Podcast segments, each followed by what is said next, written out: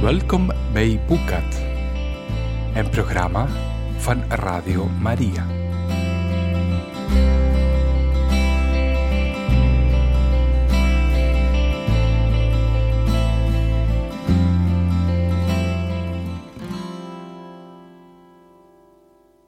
Welkom beste luisteraars van Radio Maria in dit programma waar we voorlezen uit boeken met stichtende verhalen. Vandaag starten we met een nieuw boek. Eigenlijk een vervolg op het vorige boek dat u heeft kunnen beluisteren.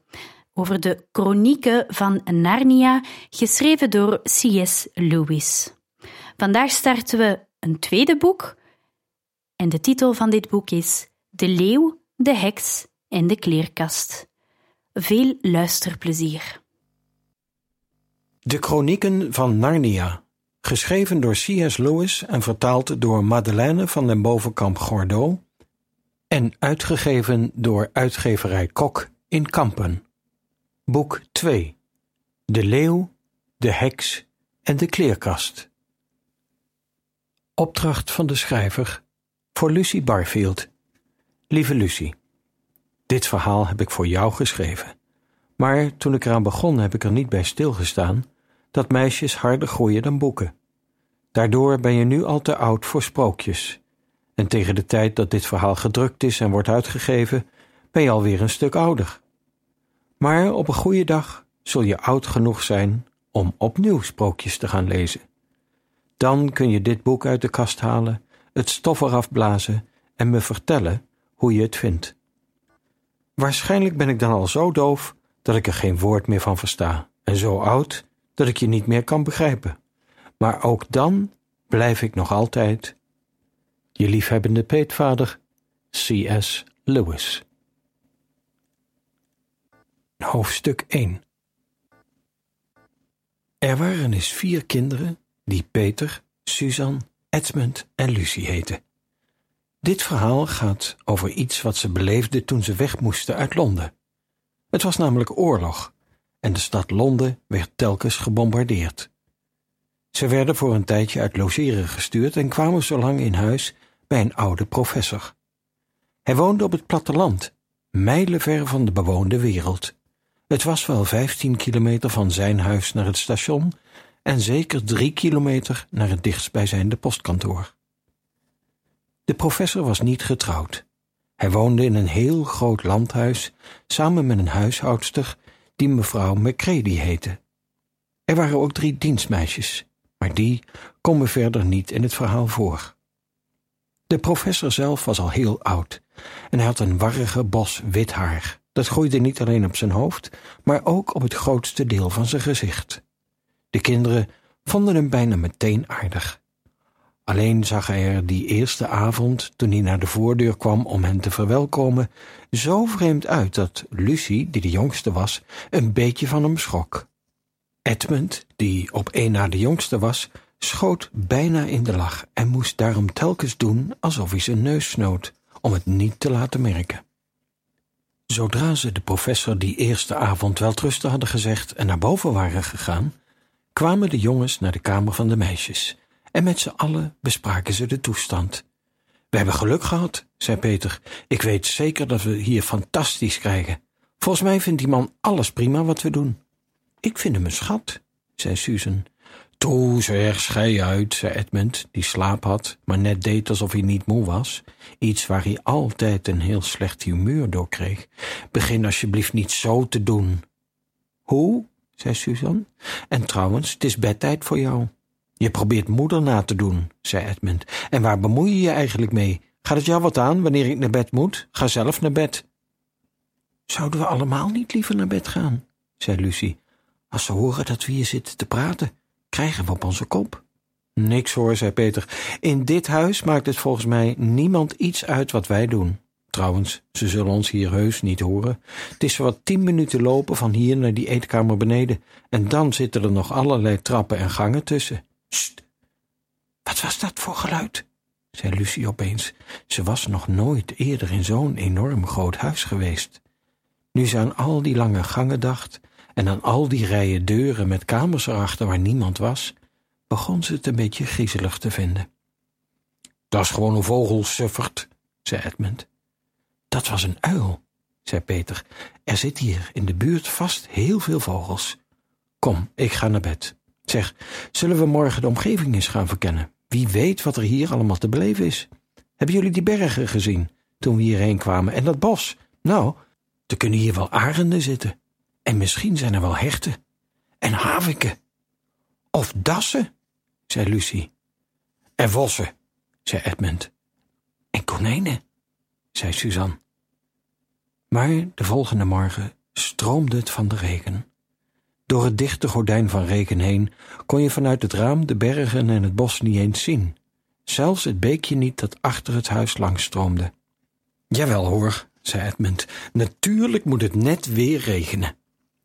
Ze hadden juist met de professor ontbeten en nu waren ze boven in de kamer die hij speciaal voor hen had laten inrichten. Een lange, lage kamer met aan twee kanten ramen. Hou nou op met dat gemopper, Ed, zei Suzanne.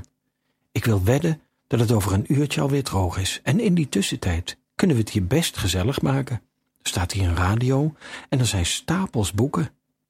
Mij niet gezien, zei Peter. Ik ga het huis verkennen. Daar hadden ze allemaal eigenlijk het meeste zin in. En zo begon hun avontuur. Het was zo'n soort huis waar geen einde aan lijkt te komen.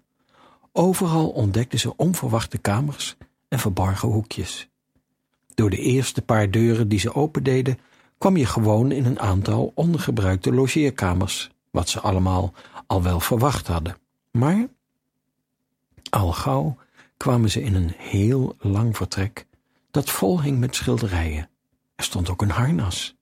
Daarna kwam er een kamer met mosgroen behang, waar in een hoek een harp stond. En toen moesten ze drie treedjes af en dan weer vijf treden op. Zo kwamen ze op een soort overloopje met een deur waardoor je buiten op een balkon kon komen. Toen kwam er een hele serie kamers die aan elkaar grensden en waarvan de wanden vol stonden met boeken. De meeste van die boeken waren heel oud en sommige waren nog dikker dan de Bijbel in een kerk. En even daarna deden ze de deur open van een kamer die helemaal leeg was, op één grote houten kleerkast na. Zo'n kast met een spiegel in de deur. Verder stond er niets in die kamer. Er lag alleen een dode bromvlieg in de vensterbank. Niks, zei Peter toen ze naar binnen hadden gekeken, en allemaal dromden ze weer naar buiten, allemaal behalve Lucie. Die bleef in de kamer achter, omdat het haar wel de moeite waard leek die deur van die kleerkast eens te proberen. Al wist ze wel bijna zeker dat die op slot zat. Maar tot haar verrassing ging hij juist heel gemakkelijk open en er rolden twee mottenballetjes naar buiten. Toen ze naar binnen keek in de kast, zag ze een rij jassen hangen, bijna allemaal lange bontjassen. Nu was er voor Lucie niets heerlijkers dan aan bont te voelen en de geur ervan te ruiken. Ze stapte dus dadelijk de kast in en ging tussen de jassen staan om met haar gezicht langs het bont te kunnen wrijven. De deur liet ze natuurlijk openstaan, want ze wist dat het verschrikkelijk stom is om jezelf op te sluiten in een kast. Even daarna schoof ze nog wat dieper de kast in. Ze kwam tot de ontdekking dat er achter de eerste rij jassen nog een tweede rij hing. Het was aardedonker daarbinnen. Daarom hield ze haar armen recht voor zich uitgestoken om niet met haar gezicht tegen de achterwand van de kleerkast op te lopen. Ze ging nog een stap verder naar binnen, nog twee, drie stappen. Bij elke stap verwachtte ze met haar vingers de houten wand te voelen, maar die wand kwam niet.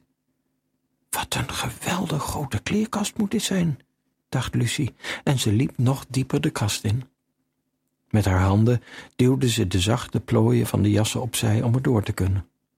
Toen viel het haar op dat er iets knerpte onder haar voeten. Zouden dat soms ook mottenballen zijn? vroeg ze zich af en ze bukte zich om te voelen, maar in plaats van het harde gladde hout van de vloer van de kast, voelde ze iets zachts en poederigs, dat ijskoud was. Hé, hey, wat raar, zei ze hardop en ze liep nog een stap of wat verder. Het volgende moment was het ineens geen zacht bont meer dat langs haar gezicht en haar handen streek, maar iets wat hard en ruw aanvoelde en zelfs prikte. Hé, hey, het lijken wel boomtakken, riep Lucie uit, en toen zag ze een lichtje voor zich uit. Niet vlakbij, waar de achterwand van de kast zou moeten zijn, maar heel in de vechten. Er dwarrelde ook iets kouds en zachts op haar neer, en al gauw kwam ze tot de ontdekking dat ze midden in een bos stond. Het was er avond. Er lag een dikke laag sneeuw op de grond en sneeuwvlokken dwarrelden geruisloos door de lucht. Lucie werd er wel een beetje bang van, maar ze begon het toch ook wel erg spannend te vinden. Haar nieuwsgierigheid won het.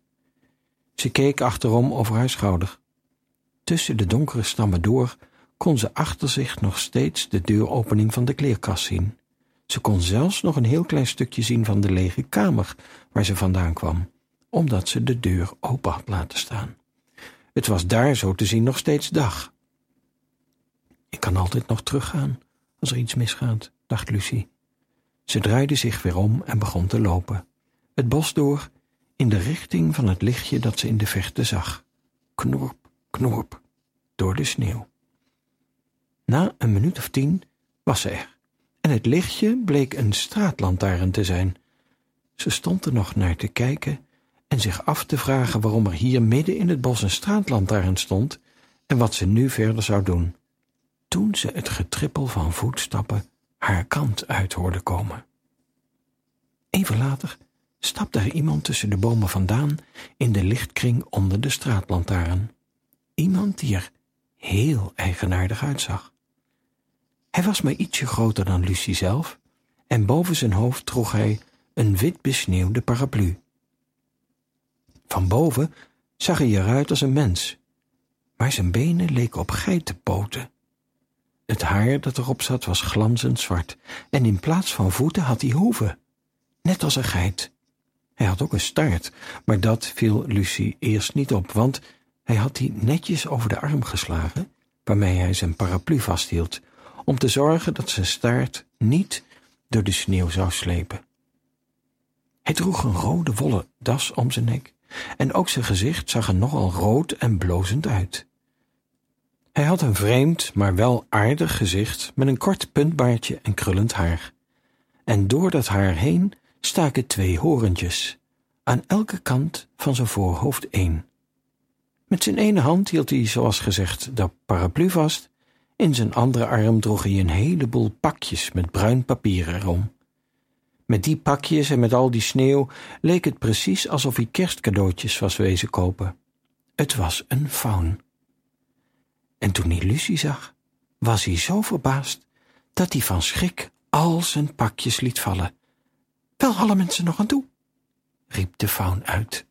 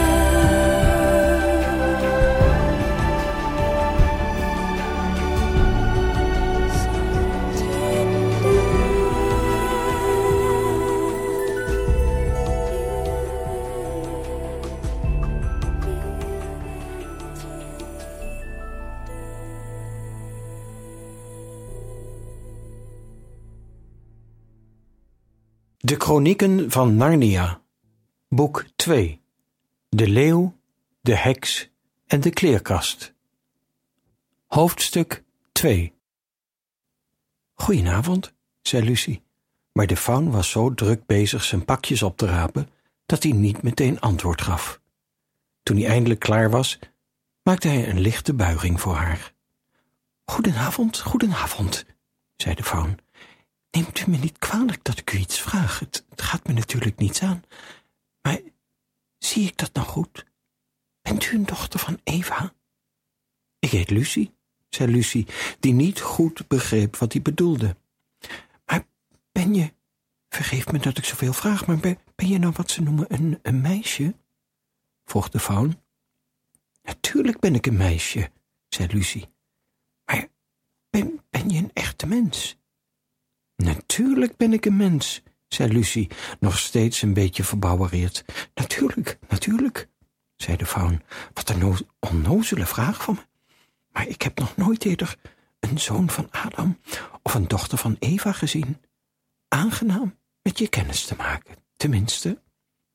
En toen brak hij zijn zin af, alsof hij bijna iets gezegd had wat hij niet had willen zeggen, en er nog maar net op tijd aan dacht. Aangenaam, aangenaam praatte hij verder, sta me toe dat ik mezelf voorstel. Ik heet Tumnus. Ik vind het heel leuk u te leren kennen, meneer Tumnus, zei Lucie. En mag ik zo vrij zijn te vragen, o oh, Lucie, dochter van Eva, zei meneer Tumnus, hoe je hier in Narnia bent binnengekomen? Narnia? zei Lucie, wat is dat? Dit hier is het land Narnia, zei de faun, waar we nu zijn. Alles tussen deze lantaarnpaal en het grote kasteel Ker Parevel aan de zee in het oosten. En jij? Kom je uit de wilde wouden in het westen? Ik, ik ben hier gekomen door de kleerkast in de lege kamer, zei Lucie. Oh, zei meneer Tumnus, en zijn stem klonk een beetje spijtig. Als ik maar beter had opgelet met aardrijkskunde toen ik nog een jong fauntje was, dan zou ik nu beslist alles van die vreemde landen afweten maar nu is het daar te laat voor. Maar dat zijn helemaal geen landen, zei Lucie, die bijna in de lach schoot. Het is gewoon daar ginds een, een klein eindje terug, tenminste, dat geloof ik wel. Daar ginds is het zomer. Maar, zei meneer Tumnus, intussen is het in Narnia winter, en dat is het al, weet ik hoe lang. Als we hier in de sneeuw blijven staan praten, vatten we nog allebei kou. Dochter van Eva, uit het verre land leeg ik Amer, waar voor eeuwig de zomer heerst, over de schitterende stad Kleerkast. Wat denk je ervan als je eens met me mee naar huis ging voor het avondeten? Dank u, dat is heel aardig van u, meneer Tummes, zei Lucie, maar ik vraag me af of ik niet liever weer eens terug zou moeten gaan. Het is hier vlak om de hoek, zei de faun, en er brandt een fijn groot vuur in de open haard. Dan eten we geroosterd brood met sardientjes en taart. Nou ja, graag dan. Dat is erg aardig van u, zei Lucie. Maar kan niet te lang blijven, hoor. Als je mij dan een arm geeft, dochter van Eva, zei meneer Tummes, dan kunnen we samen onder mijn paraplu lopen. Goed zo, vooruit, daar gaan we dan. En zo gebeurde dat Lucie zomaar arm in arm met zo'n vreemd iemand door het bos liep, alsof ze elkaar al hun hele leven kenden. Ze hadden nog niet ver gelopen toen de grond erg oneffen begon te worden. Overal in het rond lagen rotsblokken en keien en nu eens moesten ze een heuveltje op, dan weer een heuveltje af. In een klein dal onderaan zo'n heuveltje sloeg meneer Tumnus opeens linksaf. Het leek alsof hij van plan was recht tegen een opvallend groot rotsblok op te lopen. Op het allerlaatste moment zag Lucie dat hij haar meenam door de ingang van een grot. Zodra ze binnen waren, stond ze met haar ogen te knipperen tegen het felle licht van het houtvuur dat in de open haard brandde. Meneer Tumnus bukte zich en pakte met een handig tangetje een brandend stuk hout uit het vuur waarmee hij een olielamp aanstak. Het duurt maar heel even, zei hij, en meteen zette hij een ketel water op. Lucie vond dit het gezelligste huis waar ze ooit geweest was. Het was een kleine, warme, schone grot van roodachtige steen. Er lag een kleed op de vloer en er stonden twee luie stoelen. Eén voor mezelf en één voor een vriend, zei meneer Tummes. En een tafel en een grote kast. Boven de open haard was een schoorsteenmantel met daarboven een schilderij van een oude faun met een grijze baard. In een hoek van de grot zat een deur. Die ging zeker naar de slaapkamer van meneer Tumnus, dacht Lucie, en aan de muur hing een plank met boeken. Terwijl hij de tafel dekte, keek Lucie eens naar die boeken. Er stonden titels achterop, zoals Het leven en de brieven van Silenus, of Zo leven de nymfen, of Mensen, monniken en jachtopzieners. Een onderzoek naar populaire legende, of Is de mens een mythe? We kunnen eten, dochter van Eva, zei de faun, en het eten smaakte verrukkelijk. Er was voor allebei een lekker bruin, zacht gekookt eitje. Daarna aten ze een geroosterde boterham met sardientjes, toen geroosterd brood met roomboter en honing en tenslotte een stuk slagroomtaart. En toen Lucie genoeg gegeten had, begon de faun te praten. Hij kon prachtig vertellen over het leven in de bossen van Narnia. Hij vertelde van nachtelijke dansfeesten, hoe de nymfen dan tevoorschijn kwamen uit het water en de dryaden uit de bomen waarin ze woonden om te dansen met de faune. Hij vertelde hoe de lange jachtstoet erop uittrok om het melkwitte hert te vinden, dat al je wensen vervulde als het je lukte om het te vangen. Over feestmaaltijden vertelde hij en over speurtochten die ze soms hielden met de wilde rode dwergen, op zoek naar schatten in tunnels en spelonken diep onder de grond, onder de bossen. Ook vertelde hij over zomers, als de bossen groen waren en de oude Silenus hen op zijn dikke ezeltje kwam bezoeken. En soms kwam Bacchus zelf ook mee. Dan veranderde hij het water dat in de beekjes stroomde ineens in wijn. En het hele bos deed dan wekenlang niets anders dan plezier maken. Maar ja, nu is het bij ons altijd winter, voegde hij er somber aan toe. Om zichzelf wat op te vrolijken pakte hij uit een doos die op de kast stond een vreemde soort fluit, die eruit zag alsof hij van riet gemaakt was, en begon erop te spelen.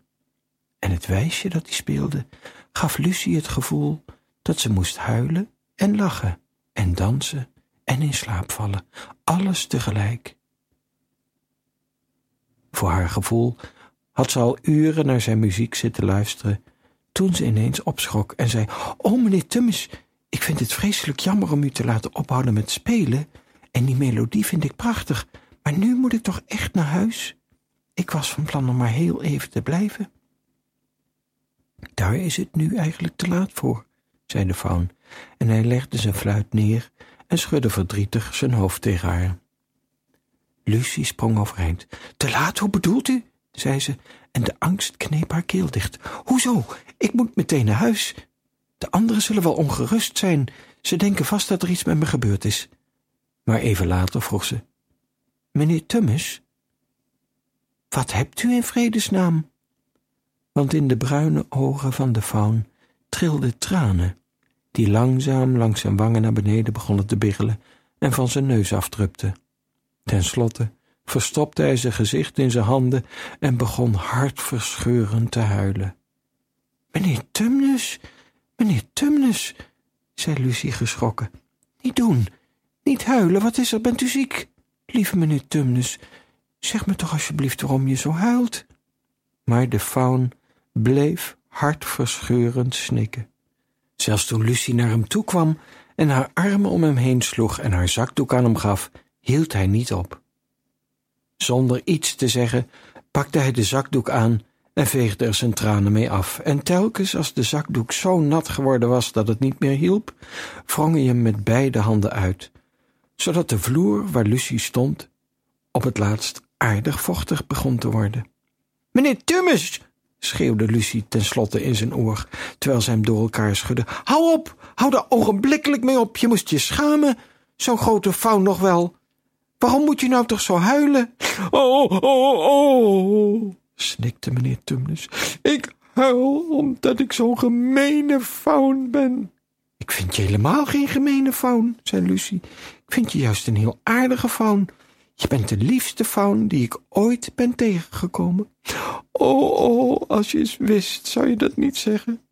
zei meneer Tummes tussen twee snikken door. Nee, ik ben een slechte faun. Ik denk niet dat er sinds het begin van de wereld ooit zo'n gemene faun is geweest. Maar wat heb je dan voor gemeens gedaan? vroeg Lucie. Neem mijn oude vader nou, zei meneer Tummes. Dat schilderij, daar boven de schoorsteenmantel, dat is hij. Die zou nooit van zijn leven zoiets gedaan hebben. Wat voor iets dan? vroeg Lucie. Zoals ik aan het doen was, zei de faun. In dienst gaan bij de witte heks, dat heb ik gedaan. Ik werk voor de witte heks. De witte heks? Wie is dat? Nou, dat is degene die heel Narnia in haar macht heeft. Door haar is het hier altijd winter. Altijd winter. Maar nooit kerstfeest. Denk je dat eens in? Wat afschuwelijk, zei Lucie. Maar wat voor werk doe je dan voor haar? Dat is nou juist het ergste, kreunde meneer Tumnus. Ik moet mensen voor haar ontvoeren. Kidnapper, dat ben ik. Kijk me eens goed aan, dochter van Eva. Zou je nou van me denken dat ik een faun ben die in het bos een arm, onschuldig kind tegenkomt?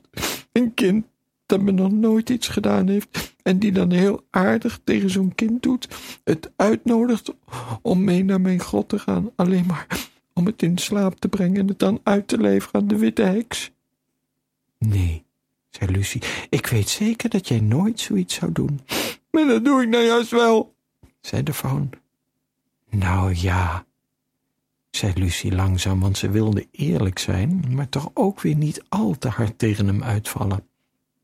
Tja, dat was ook niet zo mooi van je. Maar je hebt er nu zo'n spijt van, dat ik zeker weet dat je het vast nooit meer zult doen. Dochter van Eva, begrijp je dan nog steeds niet wat ik je probeer te vertellen? zei de faun. Het gaat niet om iets wat ik ooit eens gedaan heb. Ik ben er nu, op dit moment, mee bezig. Lucie werd doodsbleek. Hoe bedoel je? riep ze. Jij bent dat kind, zei Tumnus. De witte heks heeft me opdracht gegeven om als ik ooit een zoon van Adam of een dochter van Eva zou tegenkomen in het bos, die te ontvoeren en haar uit te leveren. Jij bent de eerste die ik ooit gezien heb. Ik heb net gedaan alsof ik je vriend wou zijn. En ik heb je uitgenodigd om bij me te komen eten, maar al die tijd was ik alleen maar van plan te wachten tot je in slaap zou vallen. Dan kon ik het aan haar gaan vertellen. Oh, maar dat doe je toch niet echt, hè? zei Lucie. Meneer Tumnus, dat zul je toch niet doen? Echt, dat mag je niet doen, hoor.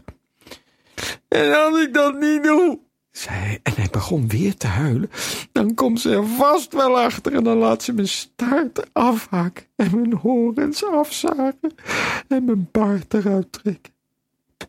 Dan zwaait ze haar toverstaf over mijn prachtige gespleten hoeven en dan verandert ze die in lelijke, lompe paardenhoeven. En als ze echt ontzettend kwaad is, verandert ze me in steen. En dan is er niets meer van me over, behalve een standbeeld van een faun. Dat blijft dan in dat kast kille kasteel van er staan, totdat alle vier de tronen op Kerparavel bezet zijn. En Joost mag weten wanneer dat nog eens zal gebeuren, als het tenminste ooit nog van komt.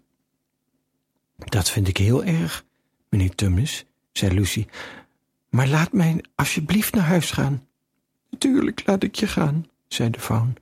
Natuurlijk wel, dat zie ik nou ook wel in. Ik heb nooit geweten hoe mensen waren tot ik jou leerde kennen. Natuurlijk zou ik jou niet aan de witte heks verraden, nu ik je ken niet meer.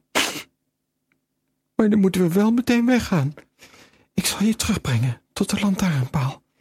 Van daaraf kun je zelf de weg naar de kamer en kleerkast zeker wel weer terugvinden.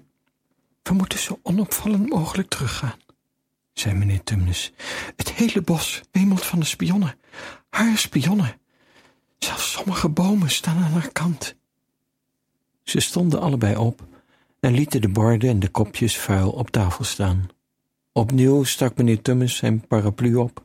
Hij gaf Lucie een arm en zo stapten ze naar buiten de sneeuw in. De terugweg was totaal anders dan de weg naar de grot van de faun toe. Ze slopen zo snel ze konden voort en zeiden geen woord. En meneer Tumnus nam steeds de donkerste paadjes. Het was een hele opluchting voor Lucie toen ze weer terug waren bij de straatlantaarn. Kun je het hier vandaan weer zelf verder vinden, dochter van Eva? zei Tumnus. Lucie tuurde scherp tussen de bomen door en heel in de verte kon ze net een klein plekje licht zien dat op daglicht leek. Ja, zei ze, ik zie de deur van de kleerkast. Loop dan zo hard als je kunt naar huis, zei de faun, en wat ik van plan was met je te doen, kun je me dat ooit vergeven? Maar dat spreekt toch vanzelf, zei Lucie, en ze schudde hem hartelijk de hand. En ik hoop maar dat je geen vreselijke narigheid krijgt door mij. Vaarwel, dochter van Eva, zei hij. Vind je het goed dat ik die zakdoek bewaar? Dat is best, zei Lucie, en daarna rende ze in de richting van het plekje daglicht daar ginds in de verte, zo snel haar benen haar dragen konden. En al gauw voelde ze geen ruwe takken meer langs zich heen strijken, maar jassen. En in plaats van de knerpende sneeuw voelde ze de houten planken weer onder haar voeten. Ineens sprong ze vanuit de kleerkast de lege kamer in, waar het hele avontuur begonnen was. Ze deed de kastdeur stevig achter zich dicht. En keek ze om zich heen. Het rekende nog steeds, en op de gang hoorde ze de stemmen van de anderen. Hier ben ik weer, riep ze. Ik ben hier hoor, ik ben weer terug. Alles goed met me hoor.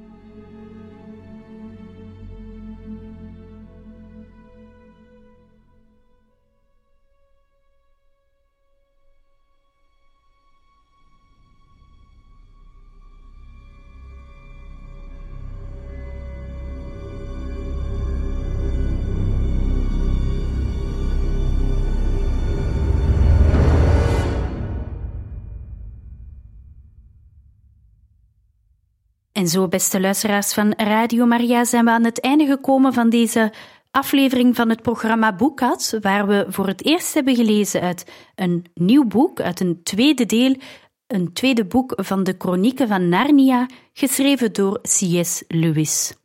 De titel van het tweede boek is De leeuw, de heks en de kleerkast. In een volgende aflevering zullen we verder lezen uit dit boek. Tot dan.